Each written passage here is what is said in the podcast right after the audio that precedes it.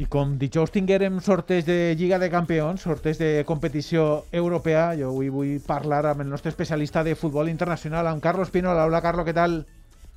¿Qué tal, Jordi? ¿Cómo estás? Molt bé, i tu? Què tal ese Genoa-Nàpols? Pues haciendo una victoria del Napoli sobre el, el hilo de, por 1-2. Pero Ho diguem, eh, partido- aclarim, Carlos, perquè has estat veient-lo in situ ahí en Itàlia. Sí, sí, sí. Estaba en el estadio de Marassi para asistir a Genoa-Nápoles, primer partido después de dos años que asistí en Italia. Ha sido un poco, te digo la verdad, un poquito emocionante.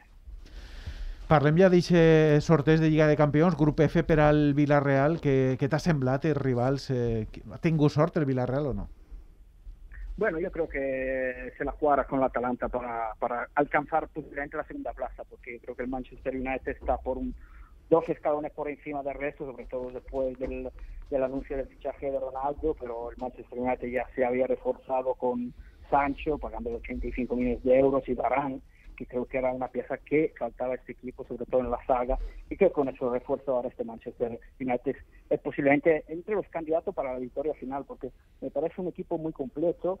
Además, ahora está, estamos asistiendo a un arranque de temporada espectacular de Pogba, que en tan solo dos partidos asistió cinco veces.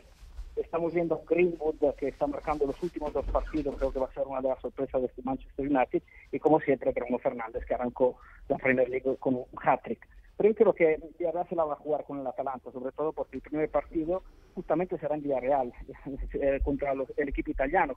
El equipo italiano que no ha visto de buen ojo este sorteo porque su presidente Percassi lo definió como un grupo de dolor de cabeza. Pero cabe recordar que esta será su tercera participación a la Champions para el equipo de Bérgamo y en las últimas dos ocasiones siempre ha pasado a octavos con lo cual será un duelo muy muy intenso contra contra Villarreal para la segunda plaza y sobre todo yo creo visto el calendario el Villarreal tendrá un doble enfrentamiento contra el Young Boys eh, est- estamos hablando del día 29 y del día creo que 20 de octubre los últimos casi penúltimos partidos que jugará contra el equipo suizo que sin lugar a dudas el equipo más débil aunque es, un equipo que siempre ha dado, ha dado guerra en estas competiciones, es, claramente siempre ha sido campeón de la liga en las últimas cuatro veces, ha quitado el liderazgo al, base, al Basilea, pero creo que es el equipo más débil. Es importante porque el Atalanta creo que se ha reforzado también en su faceta defensiva con la, la adquisición del central turco de Miral, de la Juventus, y, y ahora están cerrando el fichaje de un, creo, un buen jugador holandés que es Cop Miners, que lo anunciarán creo que mañana, que es un- era capitán de la Z Alkmaar, pero es un centrocampista que aporta muchos goles, porque fíjate tú que marcó 26 goles en 56 partidos. Así que eh, creo que el duelo será Atalanta-Villarreal para la segunda plaza, porque creo que contra este Manchester United será dura competir. Xavi Baix, què te sembla el grup del Villarreal? Ja sap el que és derrotar en, en la final de l'Europa League al Manchester United, que era del bombo 2, eh, Villarreal del bombo 1, però el United podria estar en el bombo 1 perfectament per, per, per la història no? i per la seva capacitat. Xavi? Sí. Sí, la veritat és que el, el Villarreal crec que té moltes té opcions. Eh, jo també estic d'acord que tindrà que, que jugar-se-la en l'Atalanta i si li defem bé a aquest equip, perquè este és un equip molt, molt ofensiu, si el Villarreal defèn bé aquest equip, jo crec que pot estar en la següent fase.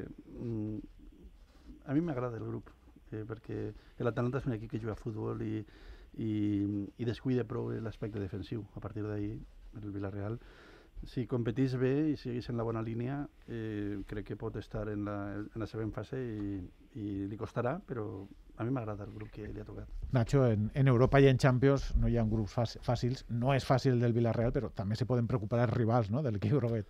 Sí, possiblement el grup el que fa és deixar les coses molt obertes no? per, a, per a uns i altres, i el Manchester sembla que, que està un escalonet no? per, per davant, però jo crec que el Villarreal ja, ja ha demostrat el que és capaç de, de competir contra els grans, de ficar el cap ahí, i, i en un grup en el que està l'Atalanta que te dona aquesta oportunitat a, a fer-li mal, a atacar-li, jo crec que és un, un grup obert per al Villarreal i, i en aquesta dinàmica de l'equip de Unai de créixer i de ser competitiu l'any passat a Europa, esta temporada un poc la, la mateixa idea. Carlo, parlem dels altres grups amb representants espanyols. Comencem per de l'Atleti a Madrid, que és el rival avui del, del Villarreal. És un grup fort, el de l'Atlètic. Sí, es un grupo que incluye 15 Champions entre eh, Liverpool, eh, Oporto y Milan, o sea que es un grupo bastante importante en esta competición, pero es la vuelta al Milan después de siete años. y su última participación fue exactamente en el 2014, donde fue eliminado por, justo por el Atleti, cuando entonces el entrenador del Milan era Clarence Seedorf. Creo que es un grupo que favoritismo es difícil tenerlo porque cuando tienes a tres todos poderosos, porque yo todavía no incluiría el Milan, pero está en ese camino, pero creo que aquí los favoritos para pasar serían Atleti y Liverpool, pero ojo con este Milan porque eh, se ha reforzado mejor que otros equipos italianos, eh, teniendo un Giroud que un poco va a ser la alternativa a Ibrahimovic, que está haciendo sus buenos partidos, este arranque de liga, el Liverpool, que no se ha reforzado, ha mantenido la misma, prácticamente la misma plantilla del año pasado, pero sí que ahora va a contar con el mejor casi balón de oro eh, Virgil van Dijk, que ahora ha empezado la temporada después prácticamente perderse toda la temporada, y han fichado solamente a un central, que es Conate, lo pagaron 40 millones de euros del Dexi, que me parece que va a ser una de, de, las, de las promesas futuras del fútbol europeo, porque sí que en el Dexi demostró tener mucho talento, y el Atleti, sin lugar a duda, creo que se ha reforzado muy bien, porque ha pescado muy bien, eh, sobre todo en Italia, fichando a Rodrigo de Paul, que en los últimos las últimas dos temporadas creo que ha sido uno de los mejores centrocampistas de la liga italiana. Además, ha añadido el fichaje de Cuña, porque intentaron eh, fichar a, Glora, a de la Argentina, pero Cuña desde luego no es ese tipo de delantero que buscaba el Atlético de Madrid. Es un grupo bastante equilibrado, donde ahora yo creo favoritos para pasar a Atleti y Liverpool y la posible sorpresa podría ser el Milan, no tanto porque eh, tiene siete Champions, porque lleva siete años sin disputar esta competición, con lo cual yo creo que necesita igual un periodo de adaptación a esta competición, porque no tampoco jugó Europa League para llegar a una final. Así que veremos un grupo que no hay que descuidar el Oporto, porque el Oporto el año pasado cayó eliminado por el Chelsea, pero dio buenas impresiones. Este año creo que han fichado a un extremo izquierdo que escucharemos hablar de él, que se llama Pepe del Gremio, pero creo que su estrella va a ser, sigue siendo Sergio Consensao, que creo que le ha inculcado un juego muy bonito a este Porto y sobre todo da siempre batalla a todos los equipos. Parlem també breument dels altres representants espanyols de eh, Madrid, Barça y Sevilla, posiblemente me sorprenda el Sevilla ¿no? en el grupo. Bueno, yo sí, yo creo que sí. El grupo de Sevilla es, eh, digamos, donde todo querrán pescar pasando a octavos, porque el Lille no es el Lille del año pasado, de hecho no ha arrancado bien en la liga y han perdido a su entrenador que hizo el milagro de ganar una Ligue One, que fue Galtier. Han fichado a Kubernetes, que viene de una buena temporada en Guingamp, pero que claramente se han ido sus estrellas, que fueron Sumaré, que se lo llevó Leicester por 20 millones de euros, Mañán, que ahora es el portero del Milan, y Luis Araujo. Es un debilitado, en cambio yo creo que el Wolfsburgo puede ser una sorpresa, han fichado a Van Bommel, ha hecho pleno de victoria en Bundesliga, eh, es cierto que se han ido dos jugadores importantes porque siempre se han ido a la Premier League, han perdido a Daka, que lo ha fichado el Leicester por 30 millones de euros, y Pepu que se ha llevado otro equipo inglés que es el Brighton. El Hamburgo ha optado, como sabemos, siempre por comandado por la Red Bull, han, llevado a un entrenador que es uh, Guy que tiene solamente 33 años. Yo creo que en este grupo es claramente favorito porque ha demostrado, sobre todo con los fichajes de esta temporada, poder optar mínimo para pasar octavos. ¿Y Madrid y Barça? Y en cuanto, y en cuanto por ejemplo, al grupo D, Aquí tenemos casi el mismo grupo que el año pasado, donde se enfrentaron Inter, Real Madrid y Shakhtar, y la novedad es el Sheriff, que hay más historia de este equipo extradeportiva que deportiva, porque es un equipo moldavo que no quiere representar a Moldavia, quiere representar a un país que todavía no está reconocido internacionalmente como Transnistria, y es un club que obviamente será el, el cogollito para estos tres equipos, sobre todo yo creo que se la jugarán Inter y Real Madrid. Pero atentos a Shakhtar porque cuando ha fichado al entrenador de Zerbi, que entrena a Sassuolo, está dando buenas impresiones porque en la previa de, de Champions han eliminado al Mónaco.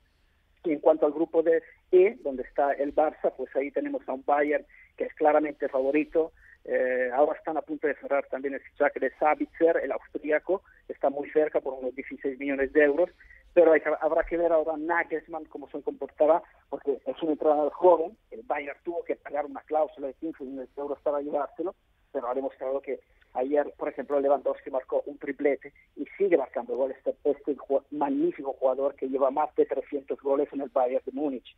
Luego está el Benfica, que su fichaje grande ha sido, creo, Yarenchuk, que ha pagado 17 millones de euros, es ucraniano, y, se han llevado a João Mario gratis a Meite la Dinamo Kiev puede ser el punto débil de este grupo. I ja per a acabar en la Liga 1, saps que s'està disputant l'estadi de Rennes Paris Saint-Germain, eh, acaba d'iniciar-se ara mateix la, la segona part. S'esperava el debut de Messi, de moment encara està en la banqueta i en l'inici d'aquest segon temps encara no ha eixit. Eh, ja ha debutat com a nou jugador del PSG. Qui sí que està jugant de, de titular és eh, Kylian Mbappé, que ha marcat el, gol, l'únic gol eh, que de moment li dona la victòria a l'equip de, de París. Mm, què penses? Que finalment Mbappé anirà al Madrid o no? Fa dos dies semblava que era imminent la seva eixida de, del PSG i ara sembla que no tant. Pues es un claro mensaje al Madrid que el Paris Saint Germain si no llega a la oferta que ellos quieren, porque no quieren bajar del precio que pagaron por él, pues se va, va a quedar en el Paris Saint Germain. Veremos, porque claro, le quedan 10 meses de contrato, pero eh, creo que está, los daban demasiado, he hecho así la prensa española, pero la, su titularidad, sobre todo que ha marcado un gol, pues es bastante significativo, porque ahora creo que será difícil la gestión de Pochettino de esta plantilla, porque tú puedes juntar a tantas estrellas, pero hay que gestionar tantos egos en un vestuario.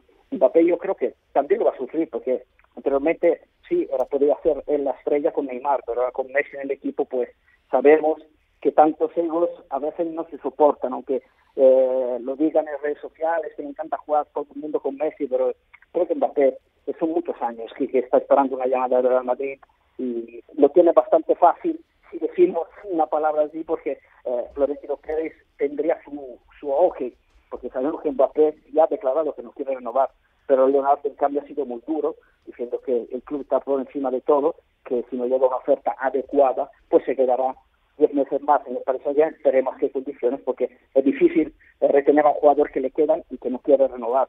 Eh, ahora tenemos eh, el debut de Messi, que probablemente será en la segunda parte, están ahora 0-1 todavía, arrancado desde dos, dos, minutos la segunda parte, y sí que será también que no haya debutado Donnarumma, que ha sido el mejor portero de la Eurocopa, y sigue Pedro Navas con la titularidad.